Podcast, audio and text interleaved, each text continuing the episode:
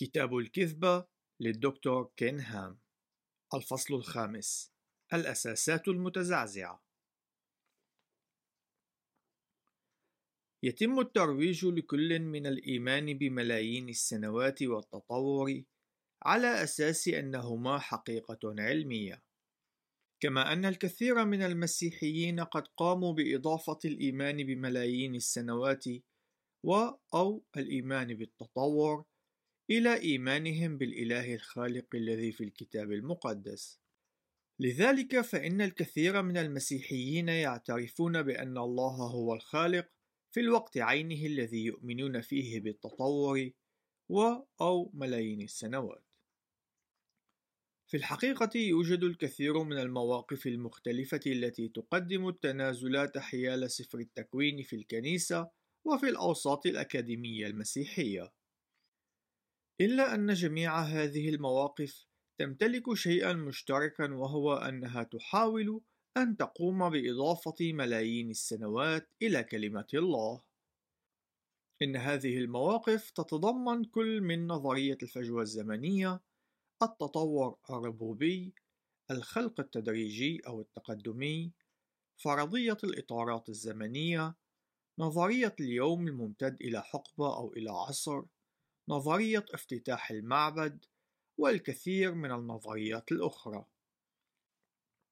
راجع الملحق الثالثة للمزيد من المعلومات عن التفاسير الأخرى لسفر التكوين.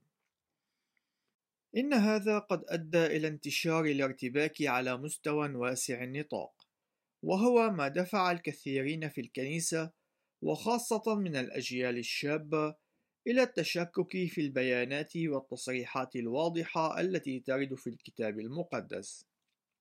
لم يعد المسيحيون متأكدون مما هو صحيح وما هو غير صحيح فيما يتعلق بالسرد الذي يرد في سفر التكوين عن الأصول.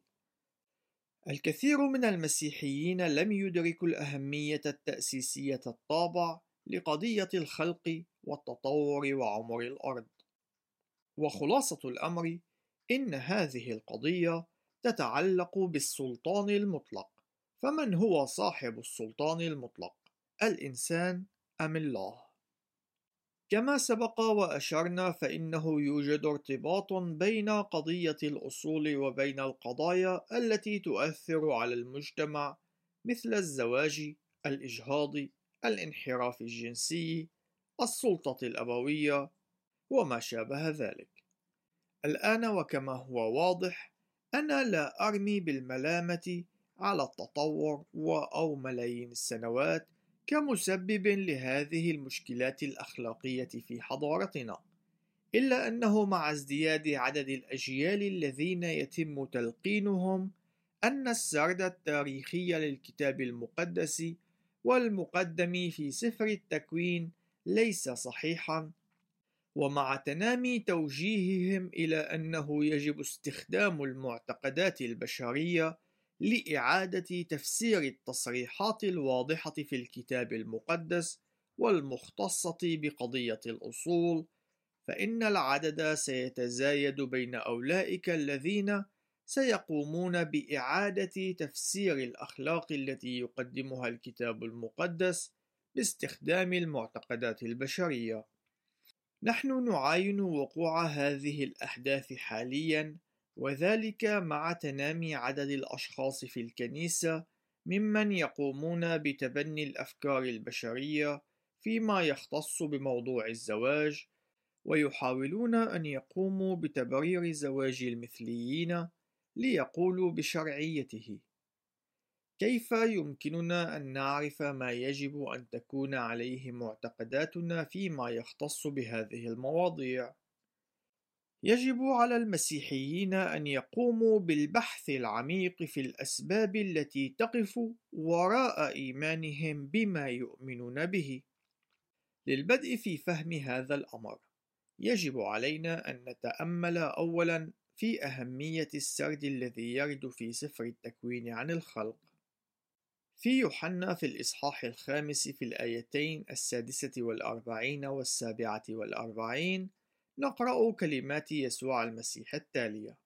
اقتباس لأنكم لو كنتم تصدقون موسى لكنتم تصدقونني لأنه هو كتب عني.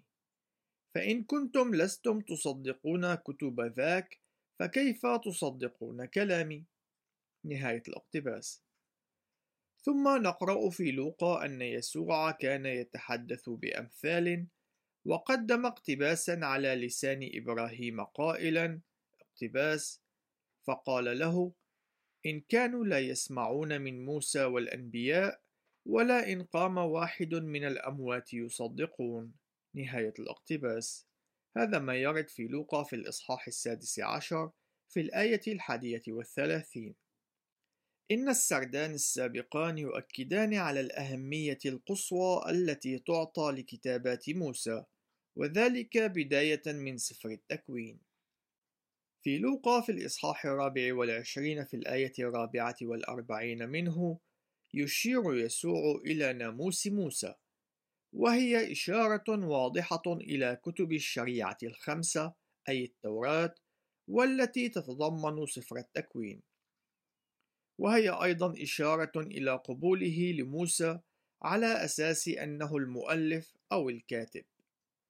في أعمال الرسل في الإصحاح الثامن والعشرين والآية الثالثة والعشرين منه نقرأ أن بولس أثناء تواجده في روما كان قد وعظ عن يسوع انطلاقا من موسى والأنبياء. هذه كلها إشارات إلى كتابات موسى ويوجد سفر واحد بين أسفار موسى حيث تتم الإشارة إليه في بقية أسفار الكتاب المقدس أكثر من أي سفر آخر وهو التكوين. لكن في المعاهد اللاهوتية ومعاهد الكتاب المقدس سواء كان في الأوساط المسيحية أم غير المسيحية أي سفر من الأسفار هو الذي يتلقى أكبر كم من الهجوم والاستهزاء والسخرية وعدم الاكتراث والتفسيرات المجازية والرؤية الأسطورية. بناء على سنوات من الخبرة والأبحاث أنا أقترح أن هذا السفر هو سفر التكوين. ذات الكتابات التي تم اقتباسها أكثر من أي كتابات أخرى في الوحي المقدس هي التي تتعرض للهجمات والإنكار والتجاهل. فما هو السبب وراء ذلك؟ عنوان فرعي الأساسات تتعرض للهجوم. إن المزمور الحادي عشر في الآية الثالثة يقدم التساؤل التالي اقتباس إذا انقلبت الأعمدة أو الأساسات فالصديق ماذا يفعل؟ نهاية الاقتباس. إنه من المهم أن نفهم العلاقة التي يقوم بوصفها كاتب المزمور. إن المجتمع يعتمد على الأساسات الأخلاقية من خلال الاتفاق المتبادل الذي يدعى في بعض الأحيان عقدا اجتماعيا فإن الإنسان في المجتمع المتحضر يقوم بوضع حدود لسلوكه لكن حين يتم رفض هذه الالتزامات وحين ينهار كل من القانون والنظام الذي يقدمه ما هو الخيار الذي يمتلكه الإنسان الذي يسعى للسلام؟ إن كاتب المزمور ينظر إلى حقيقة أنه مع تجاهل وتقويض أساسات المجتمع ما الذي يتوجب على الإنسان الصالح والبار أن يقوم به لمنع هذا الانهيار الوشيك؟ على سبيل المثال إن كانت أساسات أحد المباني قد انهارت فإن المبنى بكامله سوف ينهار. ونحن نعاين انهيار الغرب المسيحي أمام أعيننا في القرن الحادي والعشرين ما هو السبب الذي يقف وراء انهيار هذه البنية المسيحية؟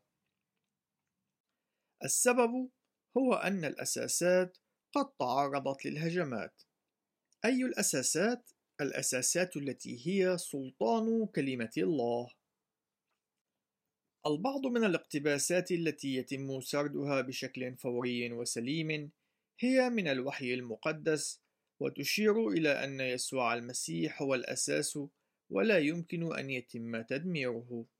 لكن في السياق الذي ترد فيه هذه الآية من المزمور الحادي عشر نحن نتحدث عن المعرفة التأسيسية التي يبنى عليها إطارنا الأخلاقي. إن المعرفة الأساسية عن يسوع المسيح بكونه الخالق يمكن أن تتم إزالتها من تفكير الأشخاص سواء كانوا من أستراليا أم من أمريكا أم من إنجلترا أو من أي مجتمع آخر. إن هذا الحدث لا يعني أن يسوع المسيح ليس الخالق، كما أنه لا يعني أنه قد تم تجريده من السلطان والملك، إلا أنه يعني أن هذه الأمم التي تخلت عن هذه القواعد التأسيسية سيعاني كل نسيجها الاجتماعي من الآثار الجانبية. ومن جديد أقوم بالاقتباس من الوحي المقدس من سفر القضاة في الإصحاح السابع عشر في الآية السادسة اقتباس وفي تلك الأيام لم يكن ملك في إسرائيل كان كل واحد يعمل ما يحسن في عينيه. نهاية الاقتباس. إن قمت بتدمير أساس أي شيء فإن البنية سوف تنهار. وإن كنت تريد أن تقوم بتدمير أي مبنى يمكنك أن تضمن نجاحا سريعا من خلال تدمير أساساته.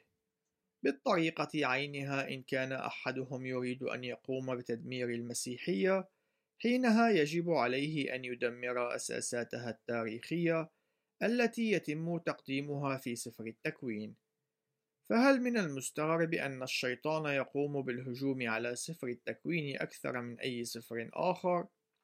إن التعليم الكتابي عن الأصول كما هو وارد في سفر التكوين إنما هو أساس لجميع التعاليم الأخرى التي في الوحي المقدس إن كنت ترفض أو تتجاهل بأي شكل من الأشكال التعليم الكتابي عن الأصول فإن بقية الكتاب المقدس سوف تكون عرضة للمساومة والتنازل.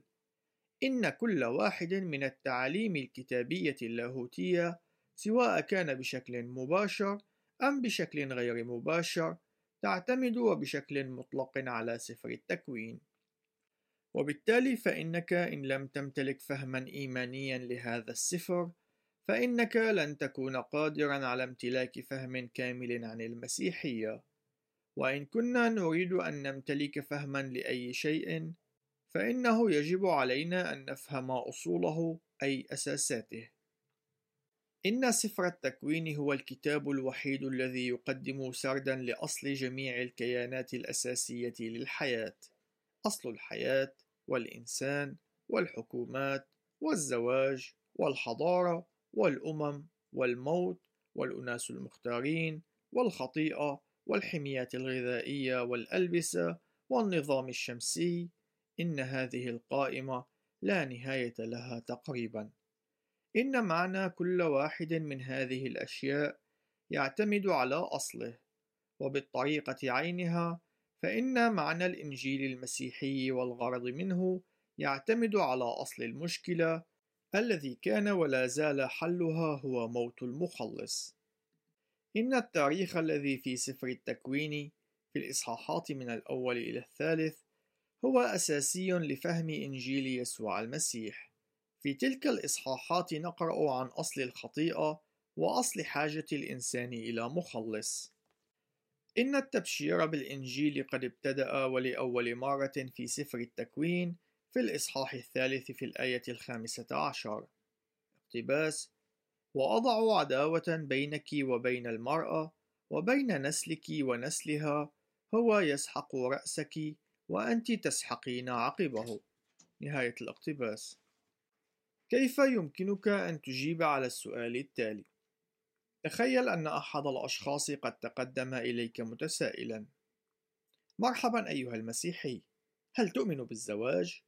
هل تؤمن بأنه يبنى على رجل واحد ومرأة واحدة يتحدان كامل حياتهما؟ إن كنت تؤمن بذلك فلماذا؟ إن المسيحية العادية سوف يقول بأنه يؤمن بالزواج لأنه موجود في مكان ما في الكتاب المقدس وبولس قد قال شيئا ما حيال الأمر إن الزنا هو خطيئة كما ويوجد بعض القوانين التي تم وضعها بخصوص ذلك إن لم تكن مسيحيا تأمل في هذا السؤال هل أنت متزوج؟ لماذا؟ لماذا لا تعيش فقط مع شخص ما دون عناء الزواج به؟ هل تؤمن بأن الزواج هو بين رجل واحد وامرأة واحدة مدى الحياة؟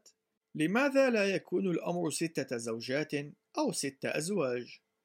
ما الذي سيحدث إن أتى ابنك وقال لك أنه في الغد سوف يتزوج من شاب يدعى بيل؟ من المحزن أن هذا الأمر أصبح شائعا في هذه الأيام. من الغالب أنك سوف تقول: لا يمكنك أن تقوم بذلك يا ابني، إنه أمر لا يجب أن يتم. ماذا إن أجاب ابنك: بل يمكن أن يتم يا أبي، بل يوجد كنائس تقبل بأن تقوم بتزويجنا. إن لم تكن مسيحيا ماذا كنت ستقول لابنك؟ هل يمكنك أن تمتلك أي أساس أو أي تبرير لإصرارك على أنه يجب ألا يعيش حياة المثلية الجنسية حتى وإن أراد ذلك؟ حين يحاولون تبرير سبب امتلاك أو رفض أي معتقد، فإن معظم الأشخاص في يومنا راهن يمتلكون آراء عوضا عن امتلاك أسباب، وفي بعض الأحيان يكون من المثير للاهتمام مشاهدة بعض اللقاءات التي تجرى خلال البرامج التلفزيونية. أتذكر برنامجًا من البرامج التي أذيعت على محطة تلفزيونية أسترالية منذ بضعة سنوات، حيث كان قد تم إجراء مقابلات مع الأشخاص وتوجيه أسئلة لهم عن رأيهم فيما يتعلق بقرارات الإدارات الحكومية بمنع الأزواج المثليين من فوائد مماثلة لتلك التي يتلقاها الأزواج المتزوجون من جنسين مختلفين. بعض الآراء التي تم تقديمها كانت من الشكل التالي: إن الأمر ليس صحيح، أو إنه يتعارض مع أفكاري، أو إنه خاطئ، أو إنه ليس طبيعيا، أو إنه سيء، أو لا يجب أن يحدث، أو إنه ليس جيدا أو لا يجب أن يتم السماح بذلك أو لماذا لا يجب عليهم ذلك أو إن الناس أحرار ليقوموا بما يريدون القيام به. وقد تم الإدلاء بالعديد من التصريحات المشابهة. لكن نتيجة لكون هذه التصريحات هي مجرد آراء وبالتالي فهي نسبية فإننا قد رأينا التغييرات التي حصلت في الحضارة مثل زواج المثليين وأسلوب حياة مثليي الجنس الذي أصبح يلقى قبولا أكثر من قبل الحضارة بشكل عام في العالم الغربي. إن التغيير الناجم عن اتباع الآراء المختصة بأسلوب الحياة المثلية الجنس إنما هو واضح جدا في الثقافة الأمريكية. تتزايد أعداد الولايات والدول التي تتبنى زواج المثليين ويتم تمرير القوانين الموافقة لذلك الأمر إلا أن هذا النوع من التفكير يتسلل أيضا إلى الكنيسة ونجد أن البعض من المسيحيين يحاولون أن يقوموا بالجدال بالاعتماد على الآراء الشخصية عوضا عن الجدال على أساس السلطان المطلق للكتاب المقدس. كتب راعي إحدى الكنائس التي تتبع إحدى المذاهب الكبرى كتابا يحمل عنوان اقتباس ما هو أقل ما يمكنني أن أؤمن به لكي أبقى مسيحيا. نهاية الاقتباس. إن العنوان وحده كفيل بأن يظهر محتويات الكتاب الأساسية. يجادل المؤلف بأن القضايا الكبرى مثل سلوك المثلية الجنسية لم يتم التعامل معها بشكل واضح في الكتاب المقدس وبالتالي فإنها أصبحت قضية تتعلق بالآراء البشرية. إن موقف المؤلف من المثلية الجنسية إنما هو مبهم. ففي الوقت الذي يقول فيه أن موقف كنيسته لا يؤيده يقوم بالتصريح بأن السبب يرجع إلى اقتباس أنها ليست مستعدة بعد لتأييد السلوك المثلي الجنس نهاية الاقتباس. ويتبع المؤلف هذا التصريح فيكتب التالي اقتباس نحن لا نزال نتحدث عنها ونتجادل حولها. نحن لا نزال نقوم بدراستها والصلاة من أجلها. لذلك ربما في يوم من الأيام سيتغير موقفنا. لكن في الوقت الراهن هذا هو الموقف الذي يتخذه معظمنا. نهاية الاقتباس. بغض النظر عن كون كلمة الله واضحة فيما يختص بقضية السلوك المثلي الجنس إن هذا الراعي قد اختار أن يتخذ الآراء البشرية كنقطة للانطلاق. ويمكننا أن نعاين ثمار هذا النوع من التفكير. هو وجماعة المؤمنين الذين يتناقشون ويتحدثون عن إمكانية تأييد السلوك المثلي الجنس لأنهم ينطلقون من نقطة خاطئة. وسواء كانوا يدركون ذلك أم لا فإنهم وبشكل أساسي يحاولون كتابة قواعدهم الخاصة للحياة. في إحدى المرات وبعد أن تحدثت عن قضية الخلق والتطور في إحدى المدارس العامة قال أحد التلاميذ لي أنا أريد أن أكتب قواعدي الخاصة للحياة وأن أقرر ما أريد أن أفعله قلت له يا بني أنت تستطيع أن تقوم بذلك إن أردت لكن في تلك الحالة لماذا لا أستطيع أن أقوم بإطلاق النار عليك؟ أجاب لا يمكنك أن تقوم بذلك أردفت بالقول لماذا لا يمكنني القيام بذلك؟ أجاب لأن الأمر ليس سليما فأجبته لماذا سيكون هذا الأمر غير سليم؟ فأجاب لأنه خاطئ فأردفت لماذا هو خاطئ؟ نظر إلي بارتباك وقال لأنه ليس سليم إن هذا التلميذ قد امتلك مشكلة فما هو الأساس الذي يمكنه أن يعتمده لاتخاذ قرار يختص بكون أحد الأشياء سليما أم خاطئا؟ لقد ابتدأ الحوار من خلال الإشارة إلى أنه يريد أن يقوم بكتابة أو وضع قوانينه الخاصة، ثم عرف أنه إن كان هو قادرا على وضع قوانينه الخاصة، فإنني بالتأكيد سأكون قادرا على وضع قوانيني الخاصة. لقد وافق بكل تأكيد على هذا الأمر، لكن إن كان الأمر كذلك، وإن كنت قادرا على إقناع عدد كاف من الأشخاص بالموافقة على أن الأشخاص المشابهين له يشكلون خطرًا، لماذا حينها لا يجب علينا أن نقوم بالقضاء عليهم وإزالتهم من المجتمع؟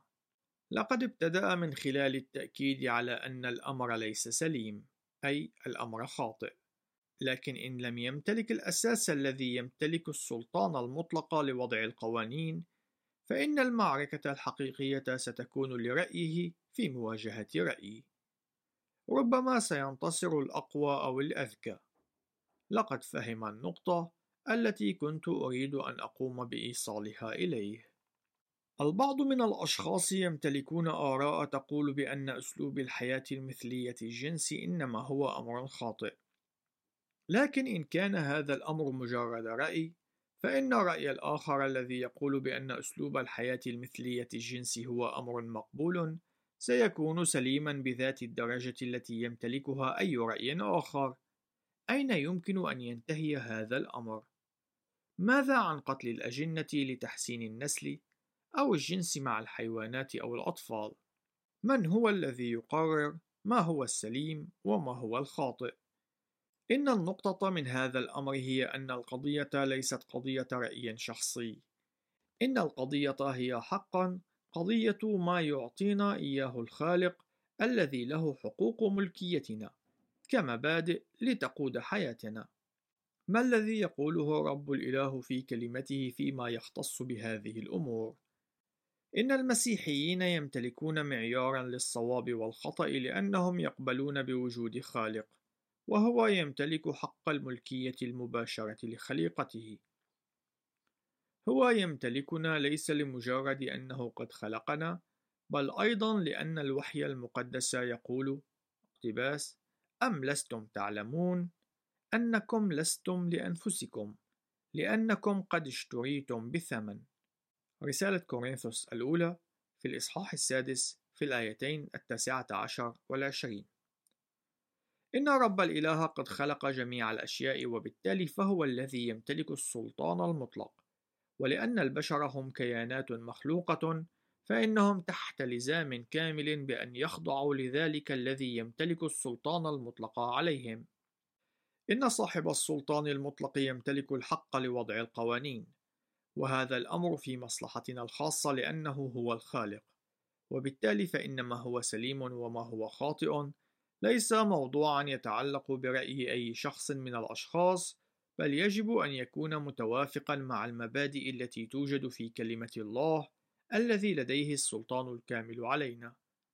بالطريقة عينها التي يقوم مصمم إحدى السيارات بتأمين دليل استخدام للطريقة السليمة التي يجب وفقها العناية بما قام بتصميمه وصنعه، كذلك يفعل خالقنا حيث يزود خليقته بالتعليمات اللازمة لعيش حياة كاملة وحارة ووافرة. إن الله قد قدم مجموعة التعليمات الخاصة به، وليس ذلك ناتجا عن نوع من الحقد أو التصميم الذي يهدف إلى نزع البهجة، بل لأنه يحبنا ويعرف ما هو الأفضل لنا. عنوان فرعي: هياكل دون أسس نسمع بشكل متكرر تعليقات من الأهالي تقول بأن أولادهم قد تمردوا على الأخلاق المسيحية وبأنهم يتساءلون عن السبب الذي يجب أن يدفعهم إلى أن يتبعوا القواعد التي يضعها والديهم. واحد من الأسباب الرئيسية التي تقف وراء هذا الأمر هو أن العديد من الآباء المسيحيين لم يقوموا بإرشاد أولادهم بالاعتماد على وجهات نظر تمتلك أساسات متينة وذلك بخصوص الأمور التي يجب أو لا يجب عليهم أن يفعلوها. لكن إن كان الأولاد يرون أن القواعد تلك لا تتعدى كونها وجهات نظر آبائهم، لماذا سيكون من الواجب عليهم أن يلتزموا بها؟ إن الفارق سيكون هائلا حين يتعلم الأولاد منذ نعومة أظفارهم أن الله هو الخالق وبأنه هو من يقوم بتحديد الصواب والخطأ. إن القواعد تصدر عن الله وبالتالي فإنه يجب أن يتم الالتزام بها. إنه من المستحيل أن يتم بناء أي هيكل من دون أساس. إلا أن هذا هو ما يقوم به الكثير من الآباء في أثناء تنشئة أبنائهم إن نتائج هذا النوع من المحاولات متواجدة حولنا وبكثرة جيل بأعداد متزايدة منه ممن يرفضون الله والأمور المطلقة المسيحية.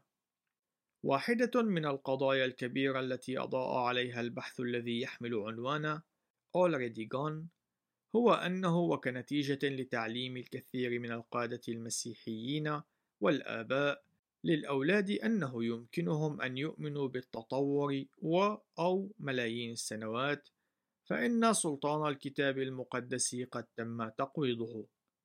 إن تم تعليم الأجيال بأنه يمكنهم أن يقوموا بإعادة تفسير سفر التكوين بالاعتماد على قاعدة ما يقوله العلمانيون عن عمر الأرض والأفكار التطورية، فما هو المانع في أن يقوموا بإعادة تفسير ما يعلمه الكتاب المقدس عن الزواج وعن القضايا الأخرى بالاعتماد على ذات القاعدة المرتكزة على ما يؤمن به العلمانيون؟ هذا هو الأمر الذي كان يحصل والذي نتج عن المساومة الحاصلة في الكنيسة، وهو ما جعل أعدادا متزايدة من أفراد الجيل المعاصر يخضعون إلى سلطان الإنسان وليس إلى سلطان الله.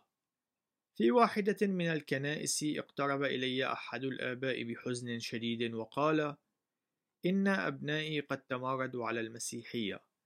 أنا أتذكر أنهم كانوا يأتون إلي متسائلين: لماذا يجب علينا أن نتبع قواعدك؟ لم أفكر أبدا في أن أقول لهم أنها لم تكن قواعدي أنا. هذا الصباح فقط أدركت كيف أنه كان يتوجب علي أن أقدم لهم الأساسات المبنية على أن الله هو الخالق، وأفسر بأنه هو من يضع القواعد. إن المسؤولية ملقاة على عاتقي أمامه لأنني رأس لعائلتي ويتوجب علي أن أرعاهم لكنهم لم يروا العقائد المسيحية التي كنت أنقلها إليهم إلا بوصفها آرائي الشخصية والآن لا يريدون أن يكون لهم أي علاقة بالكنيسة إنهم يقومون بما هو سليم في أعينهم وليس في عيني الله. إن هذا الأمر هو نموذجي جدا في المجتمع المسيحي المعاصر وهو يرتبط إلى حد كبير بقضية الأساسات هذه. الكثير من الآباء لا يدركون أنهم لا يقومون بوضع الأساس السليم لعائلاتهم الذي يجب أن يتم من خلال التأكيد على أن الله هو الخالق وهو الذي أعلن عن ذاته في كلمته في سفر التكوين. وحين يرتاد أولادهم المدارس فإنهم يتلقون أساسات أخرى وهي أن الله ليس الخالق وبأننا مجرد نتائج للعمليات التطورية الممتدة لعدة ملايين من السنوات والأمر المحزن هو أن العديد من الآباء والرعاة يقولون لهؤلاء الأولاد بأنهم يستطيعون أن يؤمنوا بالأفكار التطورية التي يتلقونها في المدارس طالما أنهم يؤمنون بأن الله هو من فعل ذلك. إلا أن المشكلة تكمن في أن هذه الأقوال ليست هي ما قاله الله. وحين يقوم ذات الأولاد بمقارنة الأفكار التطورية بالكتاب المقدس فإنهم سوف يبدأون وبشكل متزايد بالتشكك بإمكانية الوثوق بما يقوله الكتاب المقدس بخصوص أي أمر يقدمه. وليس من غرابة في أن الأولاد يتمردون فالإنسان لا يستطيع أن يبني المنزل من السقف إلى أسفل.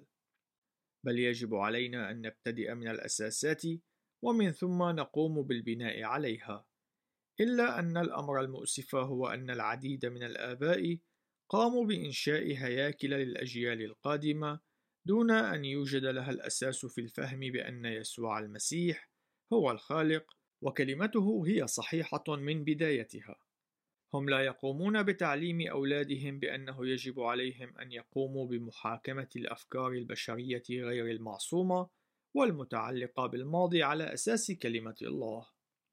إن التلاميذ في معظم مدارسنا يتلقون أساسات معادية للكتاب المقدس، أي الأساسات التطورية وأفكار السنوات المليونية. والأمر الطبيعي هو أن هذه الأساسات لن تسمح للهياكل المسيحية بالصمود. إنها هيكلا من نوع مختلف مثل المذهب الإنساني العلماني وأخلاقه النسبية هو الهيكل الذي يبنى على هذا الأساس الغريب. صرح العديد من الآباء بأن أولادهم قد انحرفوا عن المسيحية حين التحقوا بالمدارس الثانوية أو الجامعات، والعديد من أولادهم قد رفضوا المسيحية بشكل كامل. ولكن إن لم يكن هنالك إصرار على إنشاء الأساسات السليمة في المنزل، فليس من المستغرب أن تنهار تلك الهياكل المسيحية. إن البحث الذي يحمل عنوان Already Gone قد نشر في العام 2009 كان قد تم لمعرفة السبب الذي يدفع ثلثي الشبان في أمريكا إلى مغادرة الكنيسة عند بلوغهم سن الالتحاق بالكليات أو الجامعات. وقد ألقى بالكثير من الضوء على الأمور التي كانت تحدث حيث أظهرت نتائج البحث وبشكل واضح أن أولئك الشبان الذين يغادرون الكنيسة كانوا قد ابتدأوا بالتشكك بالكتاب المقدس في سن مبكرة وحوالي 40% منهم قد ابتدأوا يتشككون بالكتاب المقدس في نهاية المرحلة المتوسطة من التعليم من الصف السابع إلى التاسع. ونسبة إضافية تبلغ 45% قد تشككوا في نهاية المرحلة الثانوية. كما أن نسبة 90% من هؤلاء الشبان يرتادون المدارس العامة نحن نفقد الجيل القادم في سن مبكرة كما أظهرت نتائج البحث أن أولئك الذين يقومون بتعليم هؤلاء الشبان في الكنائس وفي البيوت يقوضون من سلطان كلمة الله على حساب التطور وملايين السنوات. كان من الواضح أيضا أن أجيالا من الأطفال لا يتلقون التعليم اللازم عن كيفية الدفاع عن الإيمان المسيحي وذلك لأنهم لا يتعلمون كيفية الإجابة على الأسئلة النقدية المعاصرة. يوجد تقصير كبير في التدريب على الدفاعيات سواء كان ذلك في الكنيسة أو في المنزل. لقد وجدت وللأسف خلال تجربتي أن العديد من المدارس المسيحية والكليات المسيحية والمعاهد الدينية تقوم بتدريس التطور و أو ملايين السنوات. لذلك فإنه يجب على الآباء ألا يفترضوا أن أطفالهم بالضرورة آمنين وذلك نتيجة لالتحاقهم بإحدى المدارس المسيحية. فالمدارس قد تصارح بأنها تقوم بالتعليم عن الخلق إلا أن التحاري التفصيلية يظهر بأنها عادة تعلم بأن الله قد استخدم التطور و أو ملايين السنوات ليقوم بالخلق. في العام 2010 تعاقدت إرسالية إجابات في سفر التكوين مع مجموعة الأبحاث الأمريكية التي قامت بإجراء البحث المختص بأولريديغون وذلك للقيام ببحث عما تقوم الجامعات المسيحية بتعليمه. لقد نشرت نتائج هذا البحث في العام 2011 في كتاب يحمل عنوان Already Compromised تمت المساومة وقد كانت النتائج مقلقة وأود أن أشجع كل فرد سواء من الآباء أم من الطلاب الذين يفكرون بالالتحاق بإحدى الكليات المسيحية أن يقوموا بقراءة هذا الكتاب. إن ذات المشكلة المختصة بالهياكل التي لا أساسات لها قد ظهرت إنما بطريقة مختلفة. فالعديد من المسيحيين قد يناهضون الإجهاض والانحراف الجنسي والعديد من المشاكل الأخلاقية المجتمعية الأخرى. إلا أنهم عاجزون عن تقديم تبرير سليم لموقفهم المناهض هذا، فمعظم المسيحيين يمتلكون معرفة عن الأشياء الخاطئة والأشياء السليمة، إلا أنهم لا يفهمون السبب الذي يقف وراء ذلك، ويرى العديد من الأشخاص أن افتقار المسيحيين للأسباب التي تدعم موقفهم يجعل من ذلك الموقف مجرد رأي. وما هو السبب الذي يجعل من رأينا أكثر صوابا من رأي أي شخص آخر؟ يوجد مشكلة أخرى معاصرة، وهي أن العديد من المسيحيين يعتقدون أنه يتوجب عليهم أن يجادلوا انطلاقا مما يعتقدون بأنه موقف محايد. لقد تم تلقينهم بأنهم إن استخدموا الكتاب المقدس في مثل هذه الحجج، فإنهم يقومون بفرض دينهم على الآخرين.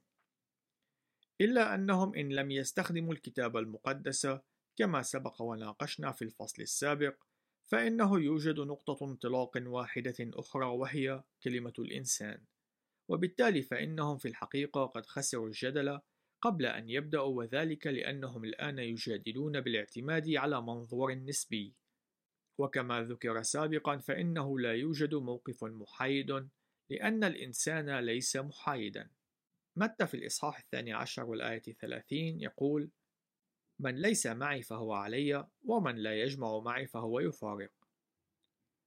ونقرأ في يوحنا في الإصحاح الثامن في الآية الثانية عشر ثم كلمهم يسوع أيضا قائلا أنا هو نور العالم من يتبعني فلا يمشي في الظلمة بل يكون له نور الحياة.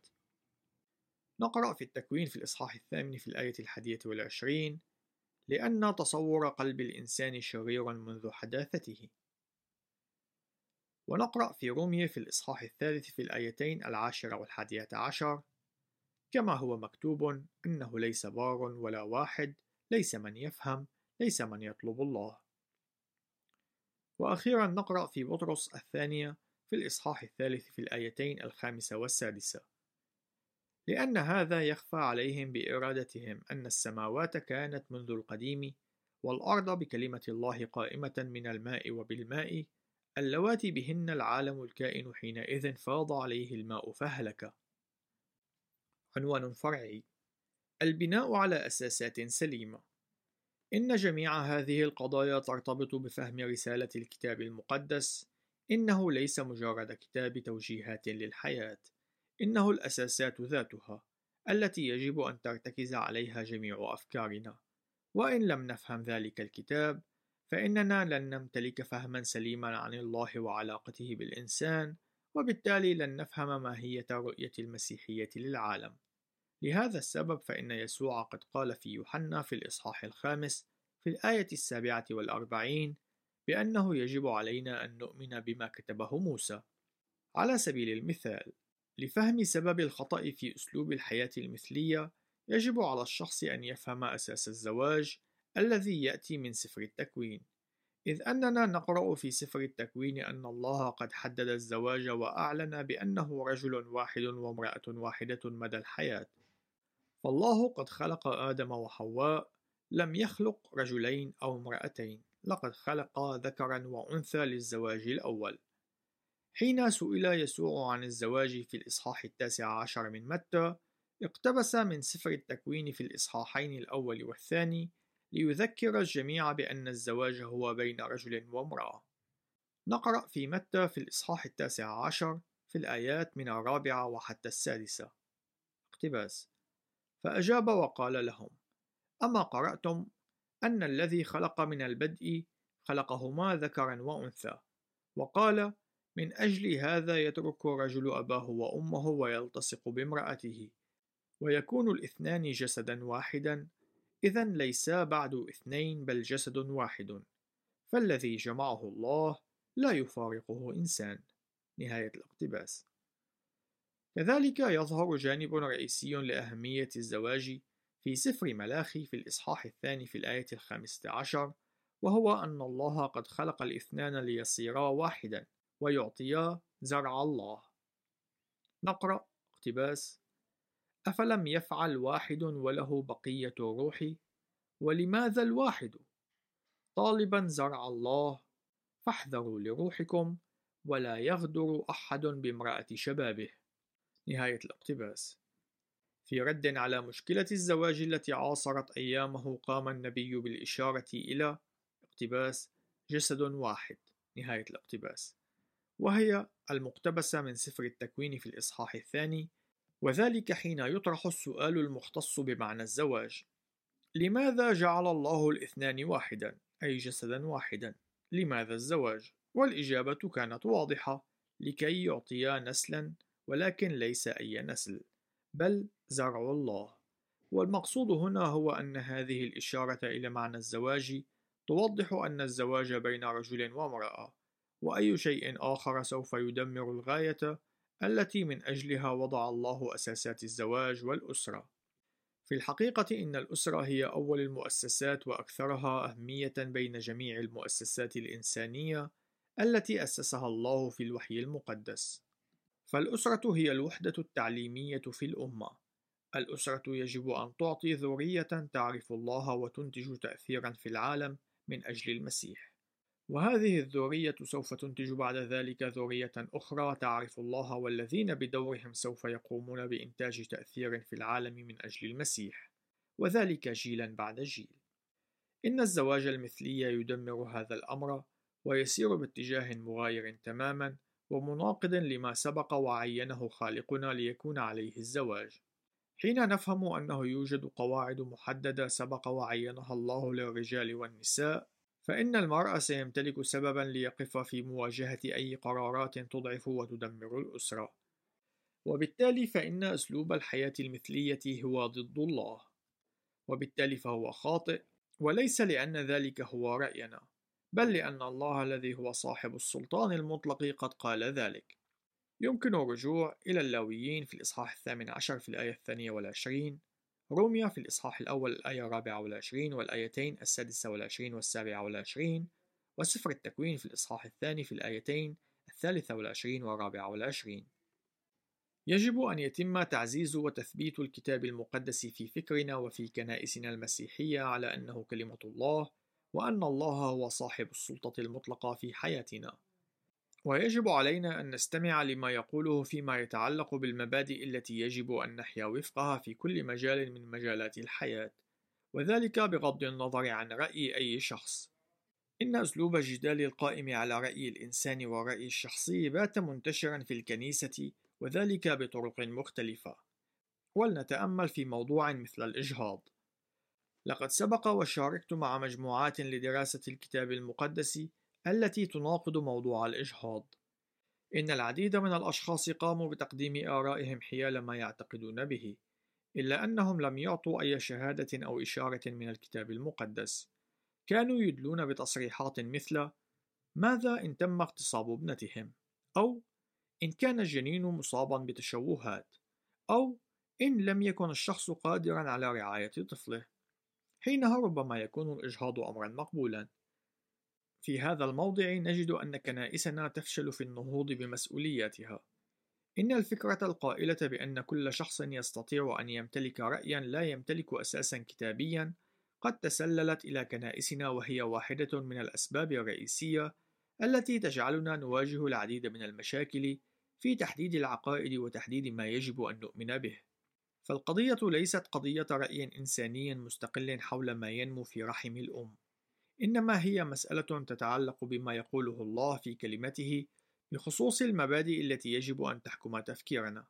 فالمزمور التاسع والثلاثون بعد المئة والمزمور الحادي والخمسون وأرمياء في الإصحاح الأول والكثير من الآيات الأخرى في الوحي المقدس تجعل الأمر واضحا تماما في أنه وبدءا من لحظة الإلقاح نكون بشرا ولذلك فإنه يجب أن يتم النظر إلى الإجهاض في جميع الحالات على أنه قتل للإنسان.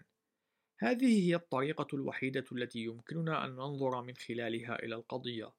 وقد حان الوقت لكي نصحو في تعاملنا مع هذا النوع من القضايا. يجب أن نأخذ وجهة نظر الله وليس وجهة نظر الإنسان. لكن في الثقافة الكنسية التي يتم فيها استخدام الآراء البشرية حول الأصول كأساس لإعادة تفسير كلمة الله، لا ينبغي لنا أن نتفاجأ من سيطرة مثل هذه الفلسفة المعتمدة على الآراء الشخصية، أي وضع الثقة في كلمة الإنسان عوضًا عن وضعها في كلمة الله. لا ينبغي لنا أن نتفاجأ من سيطرة مثل هذه الفلسفة المعتمدة على الآراء الشخصية على طريقة تفكير الناس. إن اعتمد شعب الله على سلطان كلمته كما يجب عليهم أن يفعلوا، فإن الأمر الواضح هو أن العديد من المشاكل التي نواجهها في كنائسنا سوف تحل بسهولة أكبر. عقد مؤتمر ضخم لإحدى الطوائف البروتستانتية، وكان يناقش ما إذا كان ينبغي للكنيسة أن تقوم برسم النساء كقساوسة. وكانت مشاهدة الأحداث مثيرة للاهتمام. قفز أحدهم على قدميه وقال: اقتباس: يجب علينا أن نقوم بتعيين النساء كقساوسة لأنهن يتمتعن بالذكاء المتقد مثلهن مثل الرجال. نهاية الاقتباس. علق آخر بأننا نجد نساء يعملن كطبيبات ونساء أخريات يعملن كمحاميات. لماذا يجب ألا نجد نساء يشغلن منصب قساوسة؟ أضاف آخر: إن النساء مساويات للرجال ولذلك فإنهن يجب أن يكن قساوسة. لكن كم هو عدد الأشخاص الذين نسمعهم يصارحون بأن اقتباس الله قد خلق الرجل والله قد خلق المرأة لقد أعطى لكل منهما دورا في هذا العالم والطريقة الوحيدة التي نتمكن من خلالها من الوصول إلى استنتاج صحيح فيما يتعلق بهذه المسألة هي من خلال الانطلاق مما يقوله الله عن أدوار كل من الرجل والمرأة نهاية الاقتباس. المشكلة تكمن في أن جميع الأشخاص يريدون أن يمتلكوا رأيا شخصيا دون الرجوع إلى كلمة الله ذات السلطان. في واحد من الاجتماعات قامت إحدى السيدات بتقديم رد يحمل لهجة غاضبة إلى حد ما على ما قلته بخصوص أدوار الرجال والنساء. لقد قالت بأنه لا يجب عليها أن تكون خاضعة لزوجها إلا في حال كان مثاليا وكاملا مثل المسيح. فقمت بسؤالها عن مكان وجود هذا التعليم في الكتاب المقدس فردت بأن الأمر واضح في الكتاب المقدس ولذلك فإنه لم يكن من الواجب عليها أن تكون خاضعة لزوجها كررت سؤالي لها مصرا على أن تظهر لي تصريحا مشابها لذلك التصريح من الكتاب المقدس أو أن تقوم بتقديم مبدأ ما يمكن للمرء أن يصل بشكل منطقي من خلاله إلى مثل هذا الاستنتاج. على الرغم من أنها لم تتمكن من إظهار ذلك لي إلا أنها أصرت على أنه ليس من الواجب عليها أن تخضع لزوجها. لقد كان الأمر واضحا للجميع في أنها كانت تريد أن تتمسك برأيها وذلك بغض النظر عما نجده في الوحي المقدس. لم ترد الخضوع لزوجها كما لم ترد أن تطيع الوحي المقدس. يوجد مكان آخر نسمع في الكثير من الأحيان فيه آراء الناس التي يتم الإعراب عنها باستخدام جميع أنواع الطرق، وهو في اجتماعات الأعضاء في الكنائس. لقد سبق وحضرت اجتماعات حيث كان يتم اختيار شمامسة. يقوم أحدهم باقتراح اسم معين، وذلك لكون صاحب الاسم رجل صالح. وحين يقترح شخص آخر بأنه يجب أن يتم تطبيق المعايير المطلوبة من الشماس كما هو معطى في الوحي المقدس، فإن البعض يعترضون بأنهم لا يستثنون أحد الأشخاص من الترشح لرتبة الشماس فقط لعدم امتلاكه المعايير المطلوبة في الوحي المقدس، أي أنه وفقا لرأي البعض وبكلمات أخرى فإن رأي الناس يتفوق على ما يقوله الكتاب المقدس.